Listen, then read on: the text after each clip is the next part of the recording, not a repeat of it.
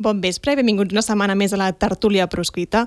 Em sembla que no us sorprendrà si, si us dic que avui parlarem del que va passar ahir al Tribunal General de la Unió Europea i ho farem com cada setmana amb el Benó Dante Fatxín, bon Hola, vespre, amb Josep Costa, bon vespre, i aquesta setmana afegim a la tertúlia que acaba de tornar d'una baixada de paternitat, jo crec, en el moment clau i just, que és el que més, més sap sobre aquest tema a VilaWeb, i ho fa des de la redacció de VilaWeb, el cap de la redacció, Josep Casulleres. Bon vespre.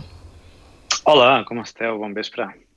Encara que t'he de dir que amb aquest plano es veu que això està gravat i que no és vespre, eh? perquè es veu que la redacció de VilaWeb és de dia a dia a dia.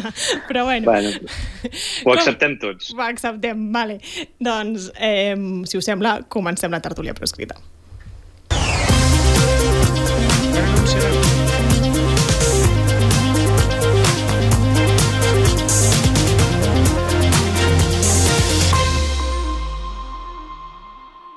I per començar, us volia demanar si us atreviríeu a fer un titular, és a dir, una cosa curta, una frase del que va passar ahir, per començar. Albano?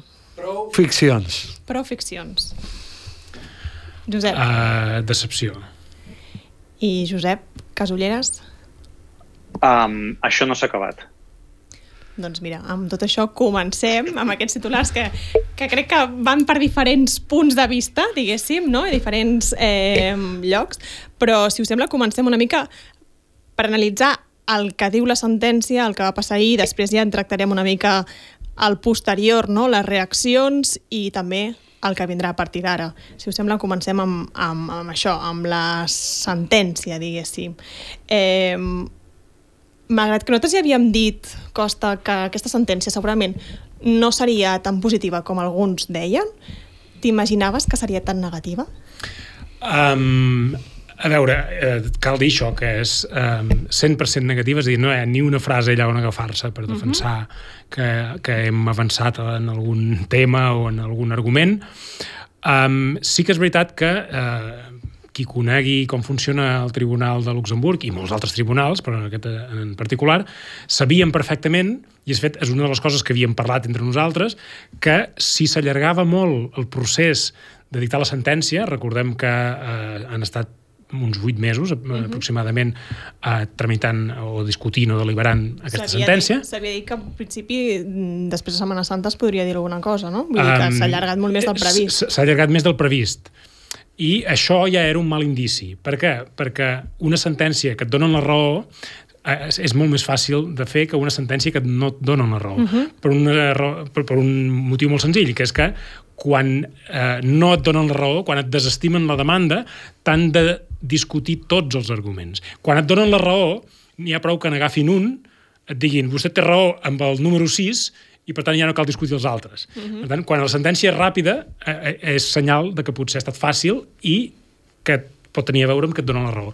I quan s'ha allargat tant, tant, tant, tant, nosaltres ja ho havíem comentat que una de les possibilitats era que necessitaven desestimar tots els arguments, que eren vuit, eren vuit al·legacions, i, um, de fet, uh, um, també ho he, ho he comentat, que aquesta és la bona notícia, l'única bona notícia que hi ha en la sentència, que és que accepten tots els arguments. És a dir, admeten la validesa de tots els arguments i es veuen en la necessitat de discutir-los minuciosament un a un per desestimar-los tots. I fa això fa una sentència llarguíssima, s'allarga, però de fet eren dues sentències, que també crec que és el que fa que sigui més, més llarg. I eh, la bona notícia de que hagin discutit minuciosament tots els arguments una vegada considerar-los legítims, admissibles, és que ara, en el recurs de cassació davant el Tribunal de Justícia, que és a, a, dictarà la sentència definitiva, a, totes aquestes qüestions es poden tornar a discutir davant el Tribunal de Justícia. Si no haguessin admès tots els arguments, si no haguessin discutit tots els arguments, no estaríem en el mateix escenari que, per tant, a, a, és més favorable de poder desplegar una altra vegada tota la, la, la càrrega argumental que s'havia abocat en aquesta demanda. Malgrat que estem dient això, no? Que, que no hi ha cap cosa positiva, no? avui el Josep deia en el seu article l'anàlisi de VilaWeb, deia, malgrat tot s'equivoquen qui pensa que, que Llarena ja pot cantar victòria, diguéssim. Eh, amb això malgrat el, lo negatiu d'aquesta sentència... Bé, és el que vàrem dir també, em sembla que fa uns 15 dies o això, que és que en el Tribunal General de la Unió Europea hem perdut totes les demandes fins ara. I en el Tribunal de Justícia, siguin via d'apel·lació o siguin via de, uh, qüestions prejudicials, hem guanyat totes les resolucions. Per tant, uh, uh, 0% Tribunal General, 100% Tribunal de Justícia, uh, a mi em fa ser perfectament optimista. Jo, a mi aquesta sentència no m'ha convençut que no tinguem raó i mm, simplement m'ha convençut de que volien desestimar la demanda per raons que, les que siguin i que s'han inventat algunes, mm, diguéssim, barbaritats per eh, eh, tombar alguns arguments que eren irrefutables.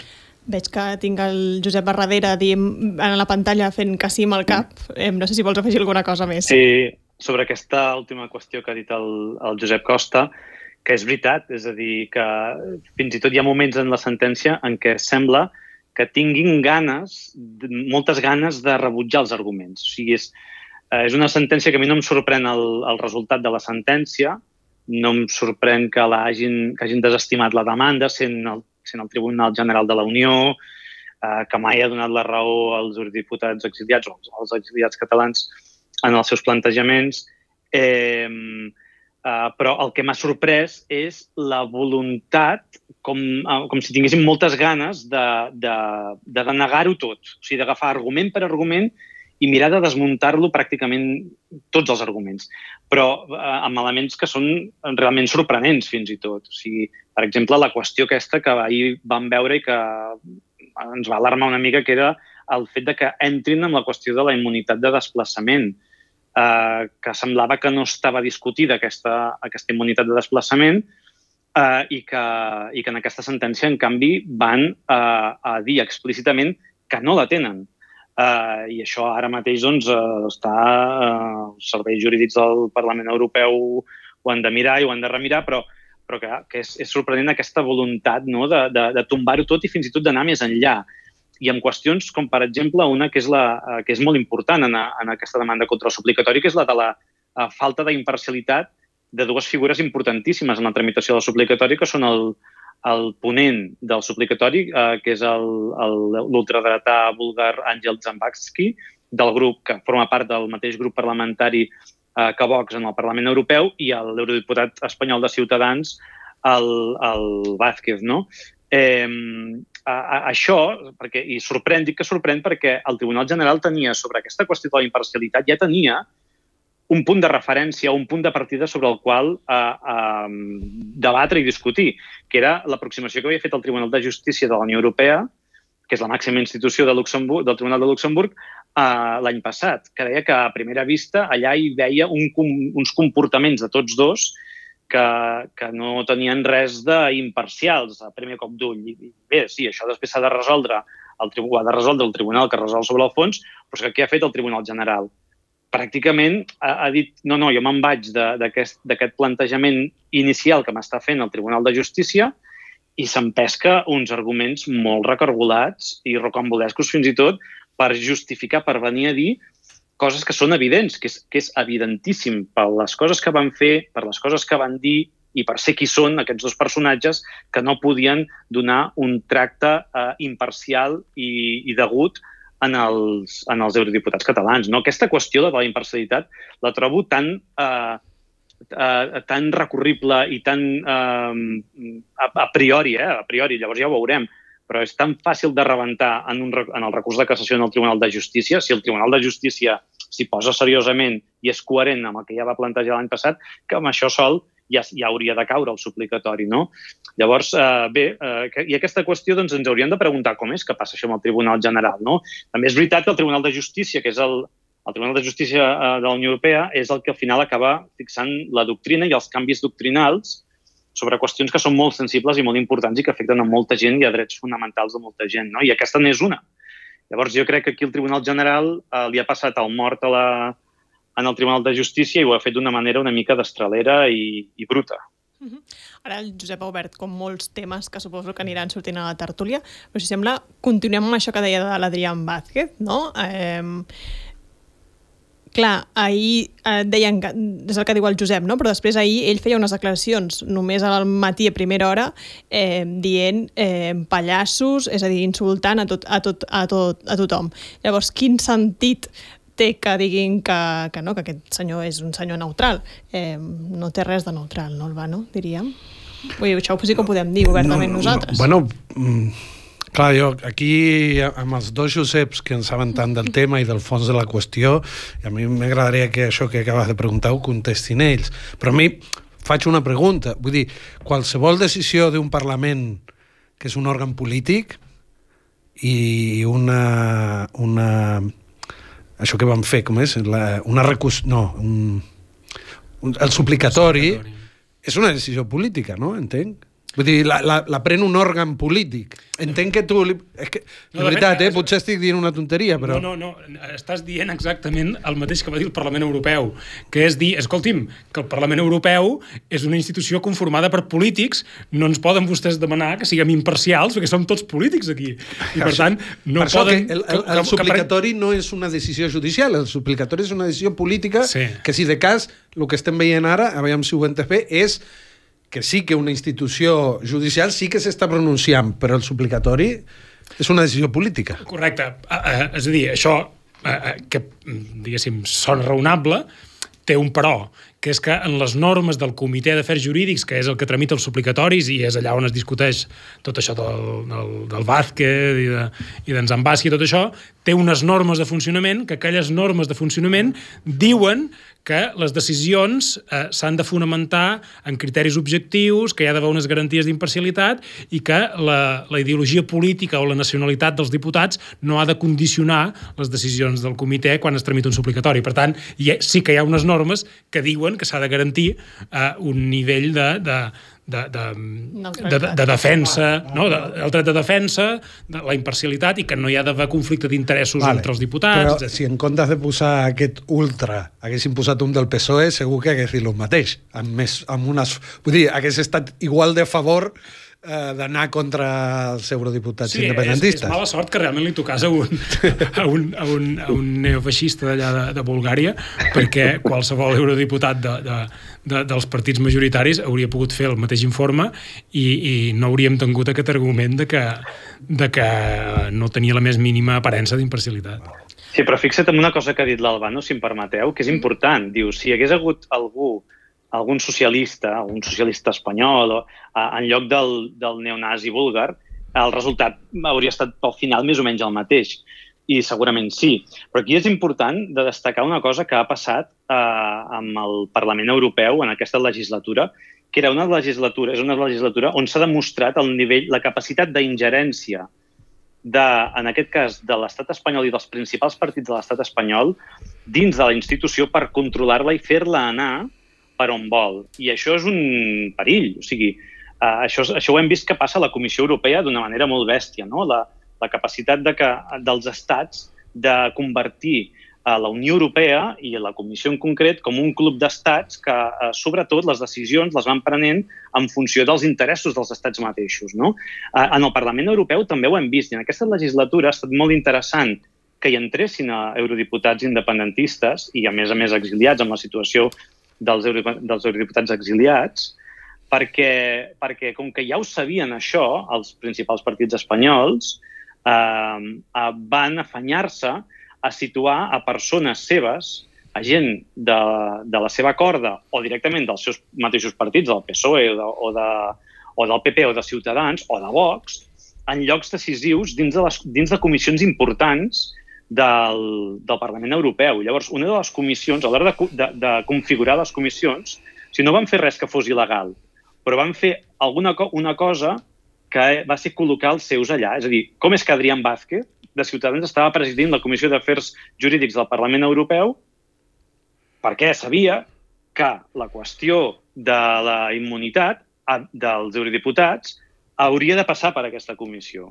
I ho hem vist amb la comissió de peticions a la Dolors Montserrat del Partit Popular, ho hem vist, ho hem vist uh, com, com, han, com han utilitzat... Per, això, per què? Per intentar fer anar el funcionament que hauria de ser um, lògic i garantista d'aquests òrgans interns del Parlament Europeu, fer-lo anar d'una altra manera i que no respongués a aquestes lògiques garantistes, sinó a lògiques de partits i d'estats, i, i en aquest cas de l'estat espanyol. No? I aquest és un dels perills que hi ha a la Unió Europea, que hi hagi aquesta capacitat d'ingerència en aquests poders. Jo crec que encara, encara hi ha la sort, no sé si n'hem de dir sort, eh? però que en el Tribunal de Luxemburg hi hagi espais potser en el Tribunal General no, però en el Tribunal de Justícia encara veiem que hi ha espais on aquesta ingerència no hi pot penetrar o no hi pot penetrar del tot. I per això és important que aquest poder judicial a Luxemburg sigui capaç, com a mínim, d'anar corregint aquestes desviacions tan flagrants i tan bèsties que jo crec que són a, a, elementals i que ho hem vist amb, el, amb la manera com Espanya ha intentat uh, fer aquesta ingerència no? per, per, per, per impedir l'activitat parlamentària normal d'una gent que representa, no, bueno, en aquest cas, més d'un milió de votants. No? Albano. Sí, no... Um, ha dit moltes coses molt interessants. Clar, l'independentisme català, quan, sobretot a partir del 2015, quan passa de, de dir coses a fer coses, no? de constituir una majoria, de començar a votar coses en, en el Parlament de Catalunya, a passar de les, de les cartites que enviava el Tribunal Constitucional, quan es convoca un referèndum, etc etc. quan l'independentisme comença a fer coses, deixa al descobert una sèrie de mancances del sistema democràtic espanyol eh, que havia estat acceptat com a, bueno, és el sistema, és així, i per tant, l'acció de l'independentisme deixa al descobert aquestes mancances democràtiques a l'estat espanyol. bueno, pues, eh, fa l'efecte que l'acció de l'independentisme, en aquest cas dels eurodiputats independentistes eh, exiliats, també està aconseguint el mateix efecte. Abans el Josep deia, no, és que atenció perquè l'Estat té la capacitat de desviació. bueno, aquí s'ha d'obrir un altre debat. Eh, potser nosaltres hem estat els que ens hem imaginat o sigui, potser no és una desviació, potser és el funcionament mateix de la Unió Europea i de tots els seus elements eh, el, que, el que fa que, evidentment, que els estats fan i desfan. Evidentment, el regne d'Espanya té palanques i les activarà totes i, evidentment, com estàvem dient abans, el Parlament és un òrgan polític, la Comissió Europea és un òrgan polític i, per tant, prendran decisions polítiques. I decisions polítiques vol dir, i potser això ho vam oblidar durant molt de temps, a, a posar-se del costat del que té poder. Mm. Això és tota la vida. Llavors, és una desviació? És que jo crec que no és cap desviació que Dolors Montserrat... És, és a dir, que hauria de ser així, clar que hauria de ser així, igual que hauria de ser que ho haguéssim també haurien de poder confiar en, en els jutges espanyols. És que no podem. És que no podem confiar en el sistema democràtic de l'Estat. Per què hem donat tant per suposat que Europa era diferent? No estic dient que sigui igual, i no estic dient que no s'hagi d'anar, i ara acabo, no estic dient que no s'hagi d'anar a, a, a tensar la corda, a generar contradiccions i a aprofitar les escletxes que hi hagi. Ara, potser sí que ho hem de fer des d'un altre punt de vista, i és que tenim el poder europeu i el poder europeu no és més que una part més gran del poder espanyol. No, uh, jo crec que sí que hi ha una magistrada espanyola en la qual es pot confiar que és la que estava en el Tribunal de Justícia de la Unió Europea i que ens va acceptar un recurs de cassació eh, que va permetre que fossin eurodiputats eh, els exiliats. Això vol dir que d'alguna manera el, el, la independència o, la, o el rol constitucional del Tribunal de Justícia fins i tot és capaç de sotmetre els impulsos franquistes d'una magistrada espanyola, dic franquistes perquè ve d'una família franquista, eh, i per tant alguna cosa encara funciona bé jo crec que... El, el, em referia més al, sí, al corpus polític. El, el, eh? el resum d'això, jo diria una altra cosa.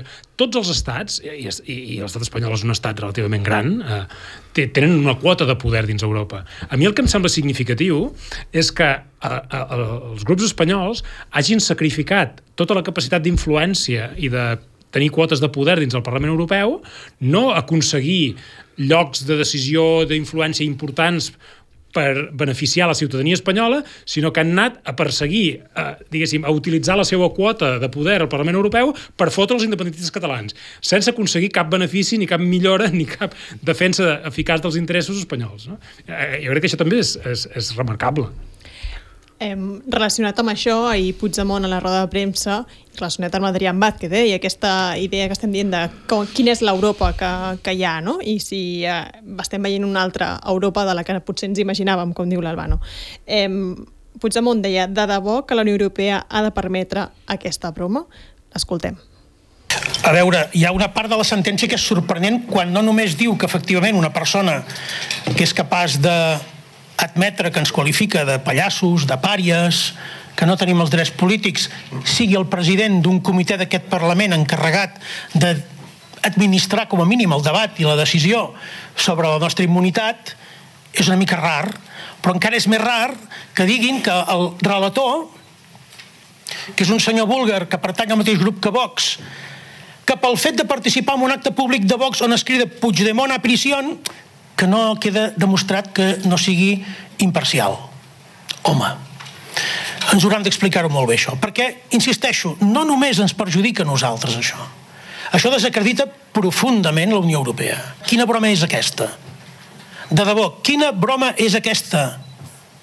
Que un senyor que presideix una comissió que ens qualifica, com vostè acaba d'esmentar, de pallassos i de pàries, se suposa que aquest senyor, segons la sentència, ens ofereix totes les garanties dels nostres drets. De debò que la Unió Europea ha de permetre aquesta broma?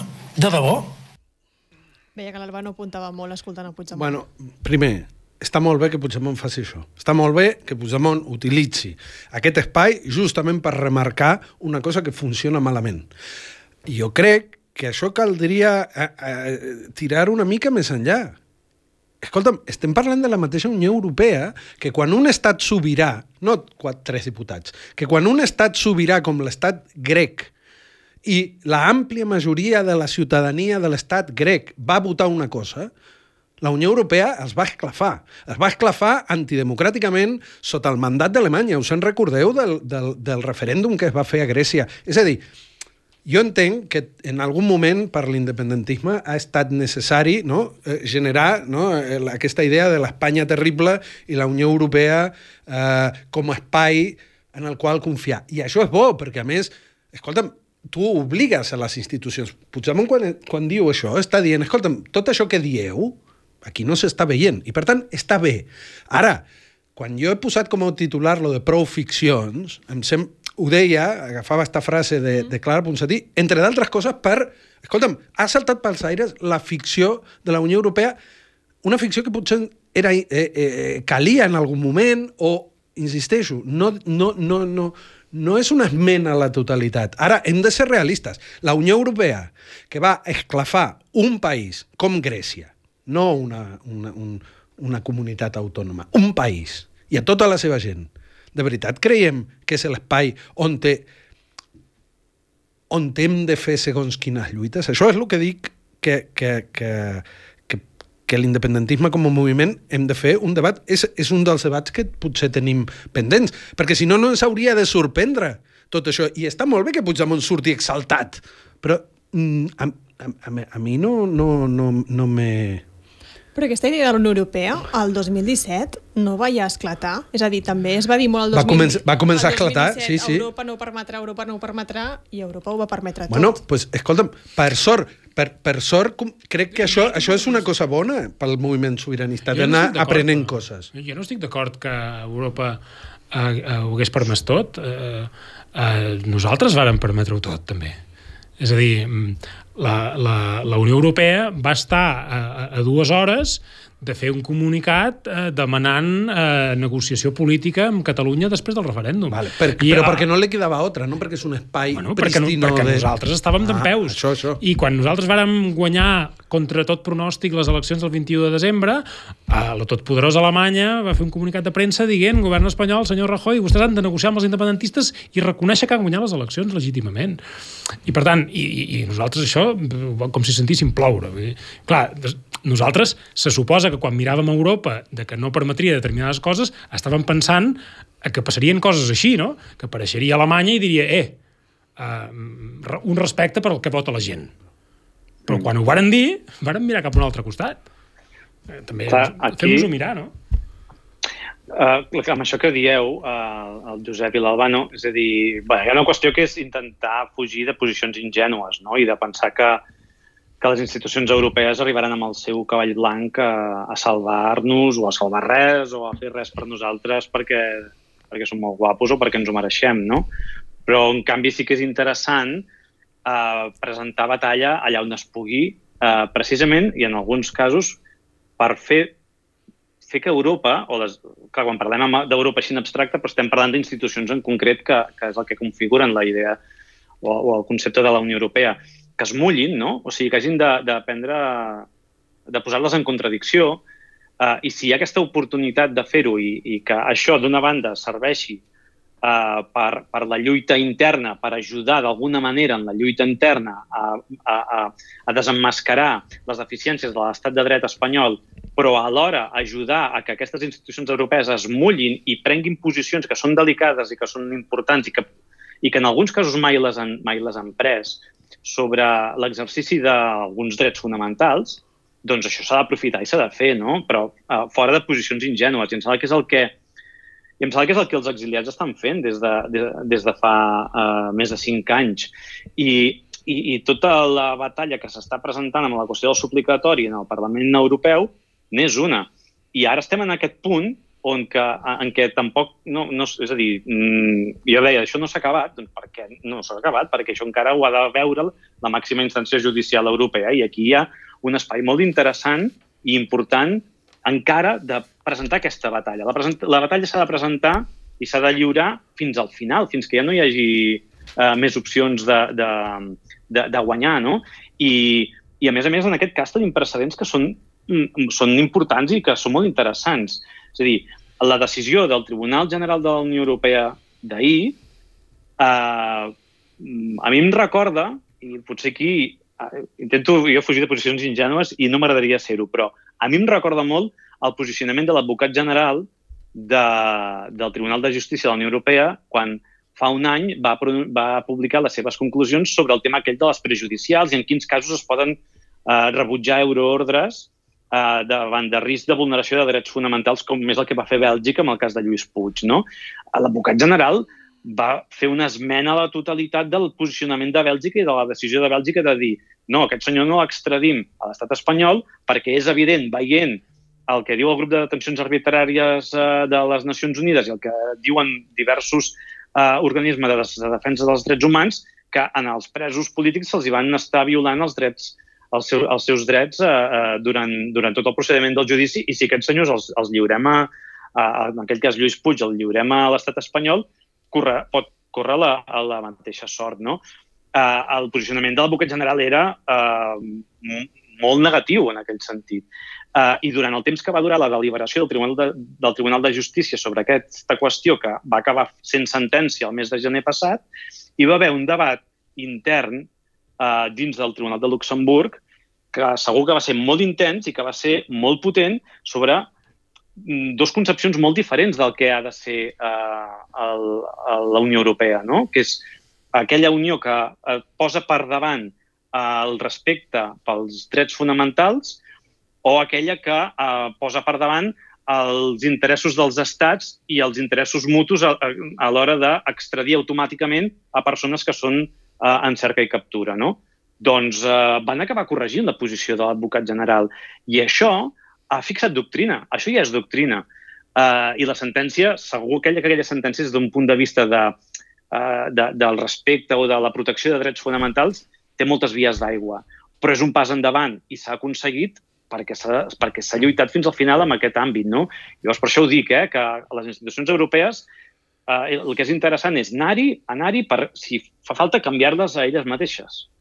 De, de fet, això que dius eh, és molt rellevant perquè ara mateix i, i, i crec que està bé que, que ho diguem de, de, en, en el context aquest de que les, sentents, les dues sentències d'ahir, perquè hem parlat d'una però també hi ha l'altra que parlava de la defensa de la immunitat, que també és un despropòsit complet, el, el, en aquest context de que no s'han complert les expectatives ni remotament, sinó que és tot negatiu, Uh, la situació personal del president Puigdemont, del conseller Comín i del conseller Puig, afortunadament no depèn d'aquesta sentència, perquè tenim la sentència que ara esmentava en Josep de uh, del cas Lluís Puig en el Tribunal de Justícia. És a dir, que aquí el Tribunal de Justícia ja ens ha donat unes pautes per tal que, mm, diguéssim, amb tota tranquil·litat, si volen, els tribunals belgues, uh, amb immunitat o sense, amb euroordres uh, um, per un delicte o amb veure ordres per un altre delicte, uh, tornin a rebutjar. És a dir, la, la, ja l'han rebutjat tres vegades, la tradició tampoc uh, vendria d'una més ja, no? És a dir, la quarta, la quarta euroordre contra en Lluís Puig, jo crec que amb la sentència del gener del Tribunal de Justícia que ara esmentava en Josep, uh, la tornaran a denegar. Per tant, jo, mm, que, que he dit, no he posat el titular de la decepció, jo estic decebut políticament amb tot plegat, i hi ha més elements que després els comentarem, que també em porten a la decepció. Però el, per, la, per la situació personal, és a dir, aquí podem ara hem discutit la qüestió jurídica. La qüestió personal, de la seguretat eh, física i, i diguéssim, i, i, i, el, i el, la, la situació dels exiliats, jo no tinc cap preocupació. És a dir, jo, eh, després de la sentència d'ahir, tinc la mateixa certesa que abans de que no els entregaran a Espanya, és a dir, que no els veurem entrant a una presó espanyola. Per tant, des d'aquest punt de vista estic absolutament tranquil. Jo um, volia tornar a aquesta qüestió. Eh, eh, aquest doble joc que deia, que deia en, en Josep, de, per una banda, no caure en la ingenuïtat, i en la ingenuïtat de lo que són les institucions europees, i per una altra, no fer una esmena a la totalitat que allà no s'hi pot fer res. Vull dir, això, això és important tenir-ho clar. Jo recordo, poques hores abans del referèndum de l'1 d'octubre, que Assange, des de la des de l'embajada d'Equador a Londres, Assange va dir el que passi a Catalunya parlant de l'1 d'octubre, era poques hores abans de l'1 d'octubre, el que passi a Catalunya marcarà també el futur de la Unió Europea i del món en general. Una frase grandiloquente, però veient el que ha anat passant amb el temps, al final, què és el que va passar? I què és el que té tant de poder per marcar el futur de la Unió Europea i, i, i, i del món? pues al final el que va passar és que milions de persones van sortir al carrer, milions de persones van empènyer eh, cap, a, cap a eixamplar els marges de la democràcia, milions de persones es van enfrontar a la violència. Això és molt important. I, per tant, jo no dic que la Unió Europea és així de dolenta i no hi ha res a fer. Al contrari, és un espai on s'ha d'anar i és un espai on per sort tenim i hem tingut els diputats en l'exili. Ara bé, eh, la única força capaç de doblegar el braç, i si avui tenim els diputats en l'exili deixant al descobert moltes misèries del sistema polític europeu, la força ve de lo que van fer a Catalunya la gent. No ve de cap altre lloc, no ve d'haver anat a votar a aquells eurodiputats. La força ve de l'1 d'octubre i del 3 d'octubre. I ho dic per entendre que la nostra possibilitat com a catalans d'interaccionar amb això eh, és tornant a ser tan poderosos com l'1 i el 3 d'octubre. I acabo. La nostra força Aleshores, la nostra força era la mobilització de la gent mm. i la no força que tenim que ens falta ara, la que no tenim ara, és l'absència de mobilització de la gent. O sigui, ha dit el mateix que jo, però en comptes en 3 minuts, en 15 segons. Molt bé. Faré el seu tallar, faré el seu, faré el seu tallar a Twitter, no? Llavors, Albano? vale, m'ho apunto. no, anava a dir que, que ara semblava com que l'estratègia de l'exili no hagués sigut bona i tampoc, tampoc hem, és a dir, l'estratègia de l'exili fins aquí ha portat moltes victòries també. Ho hem guanyat tot. Per tant... I això també ho guanyarem. Però el, el, la discussió, el que posava ara damunt la taula en Albano, és que no podem deixar l'exili sol allà amb la batalla jurídica i nosaltres aquí mirar-nos del, del sofà. És dir, perquè l'exili tenia una força quan el país estava d'en peus. Ara que el país està, eh, diguéssim, acomodat a l'autonomia, l'exili també ha perdut força per, per plantejar les seves batalles al cor d'Europa. I això no hem de ser conscients.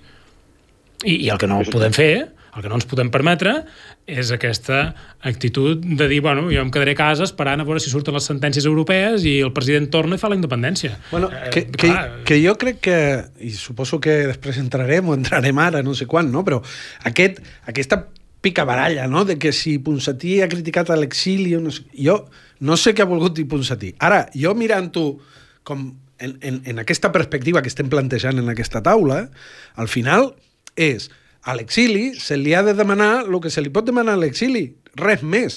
I és veritat que moltes vegades, i, i ara potser ja no tant, però fins fa relativament poc, era aquello de, escolta'm, quan vingui Puigdemont i creui la frontera, el momentum i totes aquestes idees, que en el seu moment segurament van tenir el seu, eh, la, la, la, la seva utilitat. Bueno, escolta'm, mm, no, no, no, potser li estem demanant a l'exili que faci una cosa que l'exili no podrà fer, si de casa l'exili és un complement. I crec que Clara Ponsatí, quan deia eh, mm, prou ficcions, o... Sí, prou ficcions, no? Que va dir? Uh, potser es referia a això ara, que la cosa s'ha liat i ara ho comentarem, eh? però, però és que és evident, és evident. Eh, l'exili ha de fer i pot fer el que pot fer. Qui esperi més eh, va equivocat. Doncs si us sembla, escoltem què deia Clara Ponsatí ahir en roda de premsa. Això d'avui és un final d'etapa que hauria de fer rectificar la manera com hem gestionat les expectatives polítiques de les estratègies posteriors al 2017. Ni el govern autonomista de la Generalitat, ni els pactes amb el PSOE poden oferir res a la ciutadania que no sigui la rendició i la renúncia a la catalanitat. Però l'especulació recurrent de que les sentències europees durien el retorn del president Puigdemont tampoc ha obert camí cap a la victòria. Aquesta constant fugida d'estudi s'ha d'acabar. Els catalans es mereixen una altra política. Es mereixen sentir la veritat. La persecució judicial de l'independentisme i la persecució política no s'acabarà fins que no siguem lliures. És a dir, fins que no siguem un estat independent. I no hi ha cap acord amb cap partit polític espanyol cap partit polític espanyol pugui acceptar que no sigui, en el fons, una rendició. Prou ficcions, prou alimentar il·lusions que no es materialitzaran. Fins que no comencem a parlar clar i deixem de prometre-li a la gent que amb les tàctiques judicials farem la llibertat, no tindrem ni el temps, ni l'espai, ni les idees, ni l'energia per dedicar-nos a la única tasca que la història ens reclama, que és alliberar la nostra pàtria dels poders espanyols. Josep Costa.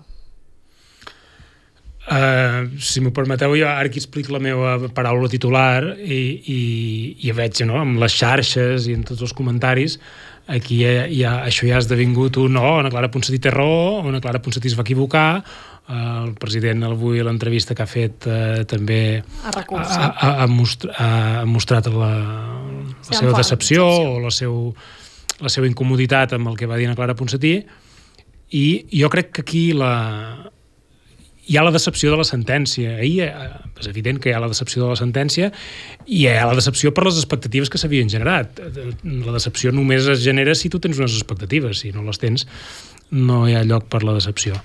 Però jo crec que hi ha un segon element de decepció que no s'ha comentat pràcticament en lloc o per ningú, que és um, constatar que l'exili s'ha trencat que quan sentíem la Clara Ponsatí amb, la seva, amb les seves declaracions valentes i amb les seves declaracions punyents moltes vegades, tots teníem la sensació, eh, o molta gent tenia la sensació, de que deia el que deia de manera més punyent o de manera més agosarada, però que els altres membres de l'exili ho compartien i que tenien una posició més institucional i no es pronunciaven els mateixos termes. No? És a dir, era com un repartiment de papers que, el que tots pensàvem, o molta gent pensava, bueno, el que diu una Clara és el mateix que pensa el president, però no ho pot dir.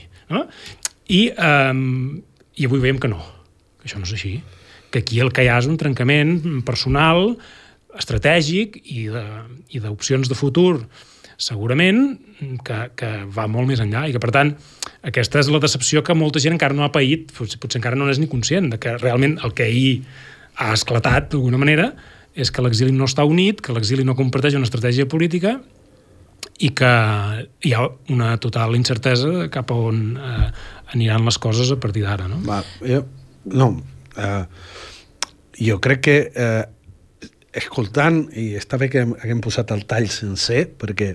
Bueno, jo, no sencer, eh? Bueno, Va ser més llarg, però sí. Però, vull dir, escoltant això, jo no trobo mm, que Puigdemont s'hagi de sentir incòmode amb el que ha dit la Clara. És veritat que avui al matí... Eh, ha posat de manifest que a, estava molt incòmode. Bueno, pues, escolti, eh, eh, que ens expliqui per què, perquè sincerament, al final el que està dient és, escolta'm, Primer que ha fet una crítica brutal, que és la que fem aquí cada setmana, no? a tot el que porta aquí passant aquí dintre eh, en el país on la rendició és vergonyosa i és el que estem comentant cada setmana. I llavors la Clara fa dues coses.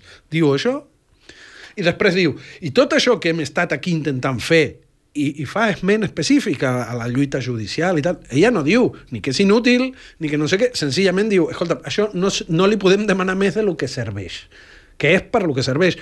Però deixem-ho comencem a pensar, jo, jo aquesta, aquesta invitació a començar a pensar més enllà del desastre que tenim aquí dintre i a la vista d'aquesta sentència començar a pensar en altres coses més enllà, em sembla una crida molt interessant en el moment que estem. I insisteixo, no entenc per què Puigdemont ha de rebre-ho de mala gana que és el que avui ha dit eh, eh, en el programa de Bastell, tots, tots els voltors no, allà contents de dir, ah, mira, i al final estem parlant de... Tu entenc la, la, la decepció que pugui sentir molta gent. Escolta'm, són qüestions polítiques i a mi em sembla, jo, de veritat, en la roda de premsa d'ahir, jo no vaig notar un trencament que després per altres qüestions que ja ens explicaran tinguin altres trencaments, però jo crec que lo de Clara Ponsatí és perfectament compatible amb, amb el que diu Puigdemont. I segurament eh, ni Puigdemont estaria eh, conforme amb aquesta informació, ni Clara Ponsatí estaria conforme amb aquesta afirmació, però des de fora el que es veu és això. I... Jo, jo crec que és avui, és avui quan el president eh, reacciona,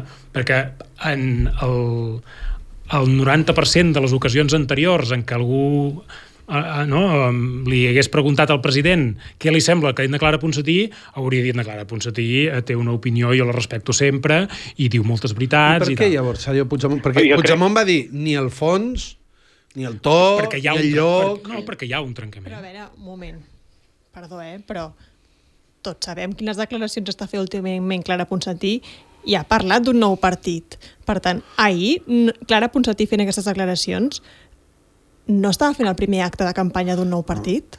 Pues potser per això avui eh, el president estava tan enfadat. Però llavors ja, no és una qüestió de contingut. Josep demana... És que a mi em sembla que, que, a mi em sembla que hi ha una cosa que és que eh, ella explícitament no critica de manera oberta l'estratègia de l'exili, però el fet de dir això que va dir i en el moment aquest en què ho va dir, jo crec que el que estava fent era com una impugnació fins i tot de l'estratègia de l'exili. I crec que és això, quan potser quan parla més de forma el president Puigdemont, el que, el que l'ha molestat, perquè és a dir, la Clara Ponsatí parla, uh, parla d'una qüestió que és, jo crec que és molt interessant i important que la posi sobre la taula, que és la de la generació d'expectatives eh, i la construcció d'expectatives al voltant de la tornada del president Puigdemont. Crec que amb això eh, hi, ha, hi ha hagut eh, massa missatges que han generat unes expectatives que no eren realistes sobre quina era la, la realitat del litigi, del que hi havia en joc i del que es podia aconseguir, uh, crec que no era realista. I això és interessant el que fa Clara Ponsatí de, de, de dir-ho, però és que ho diu en un moment i d'una manera que crec que en el fons el que està és fent, fent, fent aquesta fractura de què parlava el Josep Costa, perquè ho fa a la compareixença en el Parlament Europeu per primer cop després de la sentència més dura que ha rebut l'exili eh, d'aquests últims anys, eh, en un moment en què això encara doncs, té camí per ser recorregut i en què encara es pot presentar batalla i, i, i fer-ho en aquell moment i d'aquella manera i sense haver-ho... El president Puigdemont també ho ha dit, diu això, jo no ho vaig saber, la, que, que, la, que la Clara Ponsatí diria això, no m'ho va comentar abans, s'ho va trobar. Doncs jo crec que una mica tot plegat fa que digui, hosti, Aquí ens està fent una impugnació de, de, de l'estratègia per on estem anant. Jo crec que aquí, el, és a dir, entre la, la, el que diu una Clara Ponsatí ahir i l'entrevista que fa el president Puigdemont avui, ens han anunciat a tots plegats que a les pròximes eleccions no aniran en la mateixa candidatura, que no donaran suport a la mateixa candidatura. I, passar, i, i, i, ens ho, i, i ens ho diuen i ens ho diuen des del faristol del mateix grup parlamentari, diguéssim, no? És a dir, a, a, els tres junts que s'han presentat conjuntament en unes eleccions escenifiquen el que les properes eleccions ja no aniran junts perquè ja no comparteixen l'estratègia. I per tant això, que, crec que jo, és això que molta gent no ha paït i que molta gent eh, s'ho troba de sorpresa per perquè això, no s'ho esperava molta gent. I per què això et genera decepció? Jo, jo crec que a molta gent, és a dir, això li genera decepció eh, perquè el, l'exili s'ha vist com una cosa eh, unida i que feia una feina útil, que fa, tenia una estratègia eh, que donava eh, eh, rèdits i, i, i ara, d'alguna manera, eh, això combinat amb la derrota electoral, pràcticament ens, ens situa que s'acaba la legislatura europea no s'haurà resolt això, és a dir, la, la qüestió del suplicatori, de la immunitat, no s'haurà resolt, perquè si d'aquí dos mesos es presenta un recurs de cassació a les pròximes eleccions no s'haurà resolt. Um, per tant, tot el tema del retorn de l'exili ja queda fora de l'equació aquesta legislatura i abans eh, hi ha d'haver unes eleccions i, i diguéssim tothom es tirarà els trastos pel cap mentrestant. Um, tu has dit, eh, que a més crec que va ser una entrevista a VilaWeb on eh, Sí. se li va preguntar a Clara Ponsatí, escolti'm, vostè està fent un partit i no, no va dir que sí, però No va tampoc dir va que dir que no, Correcte. que és la manera dels polítics de dir que sí, no? que alguna cosa o, hi ha, o que sí. alguna cosa hi ha, no? Llavors, bueno, sabem això, això és el que ha dit en l'entrevista i tal. Bueno, vale. i també, també han dit en diversos actes, um, crec recordar, que ella treballaria per... És a dir, sí que ha dit que ella no es veia com a candidata. Va. També entenc que, tal com diu el Josep, els tempos fan bastant inviable que pugui ser candidata, perquè l'in- si d'això probablement l'inhabilitarà abans Clara, que hi Clara hagi Ponsatí una- estarà inhabilitada que hi dos hagi anys, una- diguéssim. Que hi hagi Vale, una elecció. Per tant, eh, ella sí que ha dit, però sí que ha dit que ajudarà a que les noves generacions Vale, perfecte. Aquí volia arribar. És a dir, uh, jo fa, faig com un, com un intent d'entendre eh, a mi no me provoca decepció que mm, Clara Ponsatí i Puigdemont es tirin els trastos pel cap. La veritat, no, no m'ho provoca. És a dir, eh, eh, els hem votat per fer una feina política que jo crec que s'ha fet, que jo crec que s'ha fet. Dic que els hem votat perquè jo no sé si... Però bueno, sí, ja, si total no me vindrà d'això, si, si jo ja soc el convergent oficial. Jo he votat aquella llista. Jo he votat a Puigdemont per fer aquesta feina i els que venien darrere Uh, i, I jo crec que l'han fet. Vull dir, ara que s'acaba la legislatura, dic, o, o, i segueixo creient que uh, la figura de Puigdemont en aquesta batalla que és l'exili, que és la visibilitat a la Unió Europea, bla, bla, bla, bla, bla l'ha fet perfectament. I, ostres, i a més a més avui crec que una de les coses d'això que he dit és que potser es torna a presentar. Escolta, perfecte, però és que a la vegada eh, la Clara Ponsatí ha fet algo molt necessari, que és dir, així no podem seguir, que és el que estem dient aquí tot el dia, que així no podem seguir, ni a dintre, ni... És a dir, així no podem seguir vol dir que hem de seguir buscant maneres de sortir del pou en el que està el sobiranisme. I quan dic el pou, em refereixo a la capacitat de la representació de la població, perquè hi ha una dada, hi ha, eh, la Clara que deia prou ficcions, i acabo amb això, hi ha una dada que és objectiva. Aquests dies el CEO i el CIS han tret que si tants diputats uns, que si tants diputats els altres. Hi ha una dada que no és cap ficció i és que el 42% de la població de Catalunya vol un estat independent. Això, això és brutal. Tot i que hi ha mitjans que diu només un 42%. Només un 42%. Li has de sumar el 6 és a dir, un 48% de la població a la que, si Catalunya és independent, doncs mira, doncs que sigui independent. Això, al País Basc, la mateixa pregunta té un 23%. Per tant, hi ha una realitat objectiva que continua allà, igual que l'1 i el 3 d'octubre. I el que diu la Clara, crec jo, és, escolta'm, vale, fins aquí hem arribat, hem de buscar coses a fer, perquè tenim una força. La força està allà que si Puigdemont se presenta al Parlament Europeu, que si la Clara es baralla amb Puigdemont... Bueno, escolta'm, cada un que faci la seva feina i nosaltres, els que estem mirant, haurem de fer... Però eh, jo crec que està molt bé dir prou ficcions. I la primera ficció a la qual se l'ha de dir prou és a la rendició que critiquem aquí cada setmana uh -huh. i al derrotisme que ens volen vendre perquè hi ha mig país que ja no aguanta Espanya. I això està allà. Hem, hem Perdó, parlat... eh? Sí, sí. No sé si algú més volia afegir alguna més sobre aquest tema, si no passarem al i ara què, perquè ens queden 10, 10 minuts. Jo, jo de les ficcions, només una frase, jo de, de les ficcions que més em preocupen de tota aquesta discussió no són les que tenen a veure amb l'exili, sinó són les que tenen a veure amb la política interior i amb la, amb la gent de l'interior. És a dir, que moltes fabulacions que s'han construït a dins, a l'interior del país, sobre el paper que tindria l'exili. És a dir, eh, no tant... I, i, I jo sóc crític amb això. Mm, Jo, a, a, a veure, amb els milers d'hores que jo he dedicat a la batalla jurídica de l'exili, seria absurd que jo volgués menys tenir aquesta feina que s'ha fet a l'exili. Uh, però sí que dic que des de l'interior del país uh, s'ha distorsionat uh, el paper d'aquesta lluita de l'exili.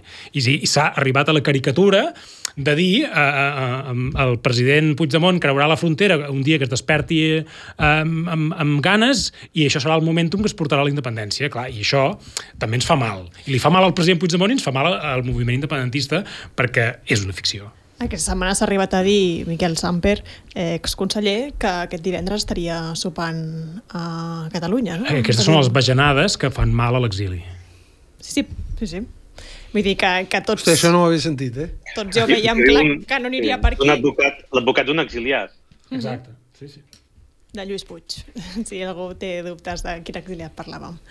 Vale, doncs ara parlem, si us sembla, aquests últims minuts del i ara què. Uh, el Josep Costa ho ha dit més o menys clar, no? I, I ara què? Tot continua igual. La cosa és que no es poden moure lliurement per Europa, seria la gran diferència, no, Josep? Bé, ha, hi ha, hi ha uns mesos que estan sense immunitat, també. Uh -huh. eh, eh, de fet, eh, immunitat pròpiament n'han tingut. Eh, durant la pandèmia, que no els servia per res, no? és a dir, durant l'any de pandèmia que estaven confinats tenien immunitat, després els hi retiren, eh, de, després eh, els hi donen durant un, mes i mig, després els hi tornen a retirar i ara n'han tingut durant un any, em sembla. Uh, per tant, la major part del mandat dels, tre, dels, dels uh, tres anys i mig que han estat allà, la immunitat ha estat efectiva un any de, realment. Uh, per tant, ara han de seguir fent política amb, amb, bé, no, amb, amb els riscos d'un euroordre en qualsevol moment, que jo supos que serà aviat, i quan hi hagi ja l'euroordre, doncs eh, els belgues es comportaran com sempre, com un país democràtic que no eh, donarà credibilitat a segons quines acusacions, i tornarem una mica a, a, a la situació prèvia a, a, a les uh, mesures cautelars i tot. Personalment, com deia abans, i vull ratificar-ho, jo no estic preocupat per la seva situació. Um, jo estic preocupat per la situació política, perquè um, de, del, de tot aquest en, en renou de les sentències i el debat sobre les sentències, en sortim amb més desconcertats que abans. No? I, I una cosa que, que ha passat, que també supos que pot eh, afegir en aquesta sensació de desorientació, és que també no, el president Puigdemont avui ha fet una entrevista després d'un any de no donar cap entrevista i en, el titular és la batussa amb la Clara Ponsatí. Ja. No, no, és- el titular no és un horitzó, una estratègia, eh, una manera de treure l'independentisme del pou que tu dius. El titular eh, és que estan pitjor que abans. No? Mm. I aquesta és la situació. Mm, Aquí hi ha, sí, amb això del titular també hi ha aquest punt del sensacionalisme que, que, que ens arrossega a, a tots els mitjans, gairebé sense excepció, no? Ni aquí més i ni aquí menys, eh? Hem titulat així, eh, és així, Josep? eh? Sí, sí, perquè ho hem, i ho hem discutit, eh, Txell? El que passa que hem valorat que tampoc és una qüestió anecdòtica la, la tensió entre Puigdemont i Ponsatí, i de fet ho demostra el fet que n'hem parlat aquí en termes polítics, no sensacionalistes, no? Uh -huh. Uh, però sobre però hi havia un altre titular aquí en, a, en aquesta entrevista que, que ha concedit el president Puigdemont a rac que és la seva disposició a presentar-se de nou a les eleccions europees. I quan parlem, quan diem, i ara què? Doncs, uh, bueno, aquí hi ha un, hi ha un dubte, hi ha, per mi hi ha incògnites importants sobre aquesta qüestió, no? Que és, és a dir, què passarà uh, a les pròximes eleccions europees? Per això falta només un any. Uh, si el president Puigdemont s'hi vol presentar, s'hi podrà presentar, Um, serà capaç l'estat espanyol i els poders dins de l'estat espanyol, polítics i judicials i mediàtics de tot tipus, d'inventar-se alguna argúcia nova per intentar impedir que es presenti com a candidat, perquè l'any l'anterior vegada ja ho van intentar a través de la Junta Electoral Central, però el Tribunal Suprem va acabar eh, frenant aquesta pretensió de la Junta Electoral de d'impedir que, que tan sols es poguessin presentar. No? Però després també, si són elegits, no, no m'acaba de quedar clar que en el Parlament Europeu els hi reconeguin fàcilment mm, tots els drets com a eurodiputats, malgrat els precedents que tenim eh, d'aquesta legislatura, perquè eh, s'estan, es mouen moltes coses. Quan abans parlàvem d'aquesta capacitat d'ingerència de l'Estat a tots els nivells en aquestes, en aquestes institucions europees, també la té, crec jo, per pressionar els serveis jurídics del Parlament Europeu, que aquí tenen coses a dir-hi, eh, també, amb això. I, per tant, a mi em genera molts dubtes això. Eh, com es resolgui en cassació eh, el tema del suplicatori és molt important. Això arribarà potser ja de cara a la següent legislatura, però la següent legislatura què passarà? Quin és el futur eh, dels eurodiputats exiliats més enllà d'un any vista? A mi això em genera moltes, Sí. eh, molts dubtes que potser el, el Josep Costa, que, que en sap molt més d'això i domina molt més el, el, el, el panorama judicial jurídic europeu, eh, potser té més respostes No, és- eh, més pistes, eh, el- però...